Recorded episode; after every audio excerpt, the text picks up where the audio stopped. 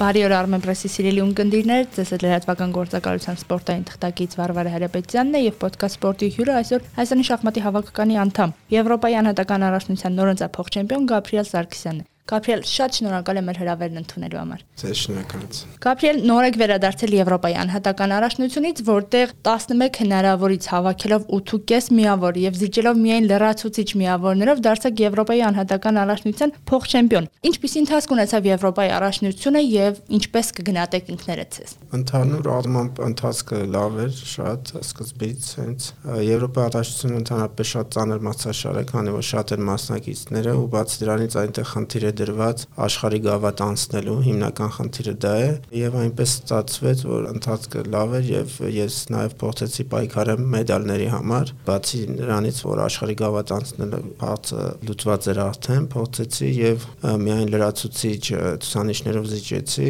իդեպ եթե ուրիշ ցուցանիշներ հաշվեին այդ դեպքում ես առաջ տեղ կլինեի իսկ ինչպիսի ցուցանիշներ պիտի հաշվեին որ դուք լինեիք առաջինը որն է այդ տարբերությունը այնտեղ մի քանի տարբերակ կա իհարկե ես միջև մացաշարը գիտեինք, որ սա են հաշվելու։ Իրենք հաշվում էին հակառակորդների գործակիցը, բայց կա նաև ավելի ընդունված տարբերակ, երբ որ հակառակորդների միավորներն են հաշվում տվյալ մրցաշարում։ Հասկանալի։ Գաբրիել երկար ժամանակ է շախմատը դադարել այսպես դեմ դիմաց նստել եւ խաղալու խաղ կոവിഡ്ն է մեղավոր իհարկե։ Իհարկե իմ տպավորությունը այդպեսին, որ երբ որ Էլինան դարձավ Եվրոպայի առաջնության անհատական չեմպիոն, ասաց, որ կարոտել էի շախմատին դեմ դիմաց խաղալուն։ Արդյոք ձեզ մոտ էլ այդ կարոտը կար։ Կարոտը կար, բայց անցած տարի, անցած տարվա ինձ արդեն սկսվեց մրցաշարերը, աստորեն աշխարհի գավաթը անցած տարի անցկացվեց Ռուսաստանում, դրանից հետո Եվրոպայի անցած տարվա առաջությունը եղավ հավաքականով մասնակցեցինք։ Այս տարի արդեն իհարկե դա այդքան շատ չի, արդեն նորմալ հունի մեջ ենք մտել։ Այդ առումով իհարկե կարոտը կար, բայց անցած տարի շատ ավելի դժվար էր մեզ համար, քանի որ կարոտ ասում ենք, բայց իրականում բոլորս հետ էինք վարժվել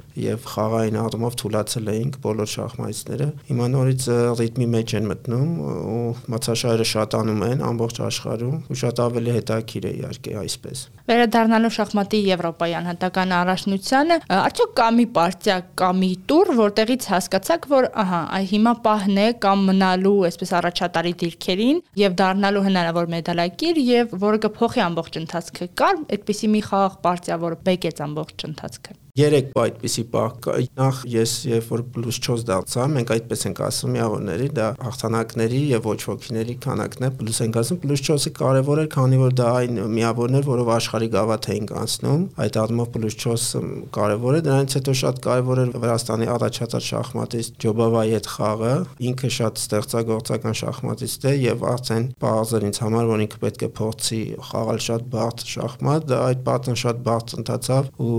ես հաղթեցի, նորից շատ կարևոր էր, արդեն պլյուս 5-ը դա հոգեբանական էր կարևոր եւ կարևոր էր նաեւ ադրբեջանցի շախմատիստը, երբ որ պլյուս 5-ի ժամանակ ես սպիտակներով իր հետ խաղացի, դա շանս էր ինձ համար արդեն պայքարելու մեդալների համար եւ նախավարժ տուրում հաջողվեց հաղթել իրեն։ Կապչել նմանատիպ խոշորամասշտաբ մրցաշարերը, որոնք իսկապես բարդ են, հոգնեցուցիչ են, ժամանակատար են, որքան կարևորություն ունեն հոգեբանորեն պատրաստ լինելը։ Դա շատ կարևոր է իհարկե, շատ եւ ֆիզիկականը դա իրար հետ ես կարծում եմ սպորտում կապված բաներ են, քանի որ եթե դու ֆիզիկական հոգնածություն ես զգում, ամբստացություն ես զգում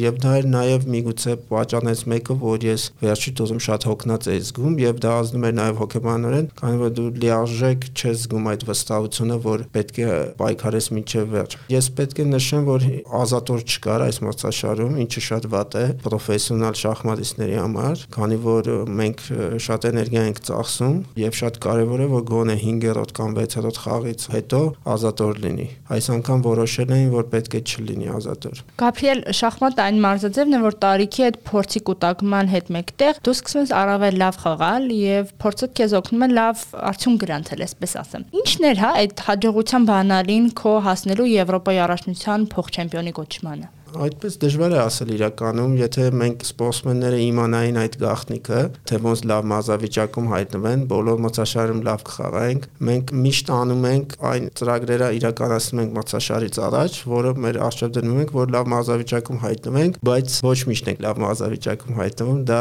սպորտի ամենամեծ խնդիրներից մեկն է, որ երբեք չենք իմանում, անգամ եթե փորձածու ես երկար տարիներ մրցաշարերի ես մասնակցել, դա բոլոր սպորտսմեններին է վերաբերում, այլապես ենթ ենթարենք օլիմպիական խաղից առաջ բոլոր սպորտսմենները կլինեին իդեալական մազավիճակում, բայց գիտենք, որ այդպես չէ եւ հաճախ անգամ այդ կարեւորությունից սպորտսմենները ոնց որ ասած վարվում են այդ լարվածությունից, փորձում են իդեալական վիճակում գտնվել։ Ուղղակի այս մրցաշարում իսկապես հաջողվեց լավ հանդես գալ։ Ճիշտ ժամանակին ճիշտ քայլեր անելով։ Այո։ Գաբրիել, դուք մեր հավաքականի այժմ Հայաստանի հավաքականի առաջատարն եք եւ գալիս է սերնդափոխության ժամանակ Հայաստանի շախմատի հավաքականը, որը պատմություն կերտեց Հայաստանի համար եւ իր անունը գրեց շախմատի պատմության մեջ, այժմ սերնդափոխություն է ապրում, բայց դուք մնում եք ավակի կարգավիճակում։ Ես կուզենայի լսել ձեր կարծիքը, թե ինչպիսի նոր սերունդ ունի հայկական դպրոցը շախմատի։ Մենք կարելի ասել երկար տարիներ անց շատ լավ սերունդ ունենք, երիտասարդ եւ ուժեղ, եւ ես կարծում եմ, որ տղաներին կհաջողվի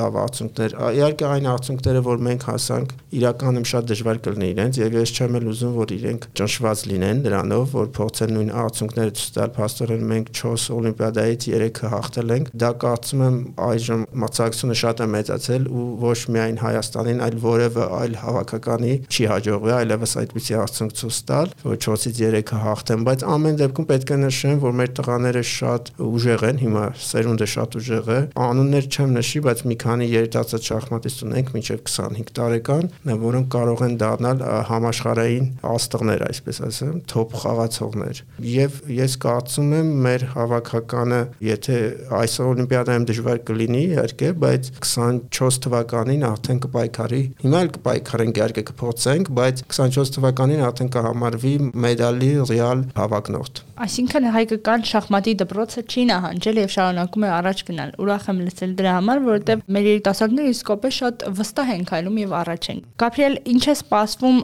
հավաքականին հաջորդիվ եւ ձեզ անձամբ ինչ պլաններն եք։ Ես պետք է խաղամ Ռուսաստանի լիգայում, եթե անցկացվի իհարկե, բայց ոնց որ թե պլանները այնպես են որ լինելու է, ապրիլի 39-ին սկսվելու, դրանից հետո շարժայում միջազգային մրցաշար կա։ Այդ երկու մրցաշարներ ինձ համար լինելու են նախապատրաստական փուլ, այսպես ասած, օլիմպիադային, օլիմպիադան լինելու է Հնդկաստանում, շատ դժվար է լինելու, ոչ միայն այն առումով, որ հավաքականներն են ուժեղ լինելու, այլ նաև որ իրականում Հնդկաստանում խաղալը շատ դժվար է եւ պետք է նաև հոգեբանորեն պատրաստ լինենք դրան։ Ես միշտ խուսափել եմ այսքան տարիներ երբեք չեմ եղել Հնդկաստանում, բայց հիմա ստիպված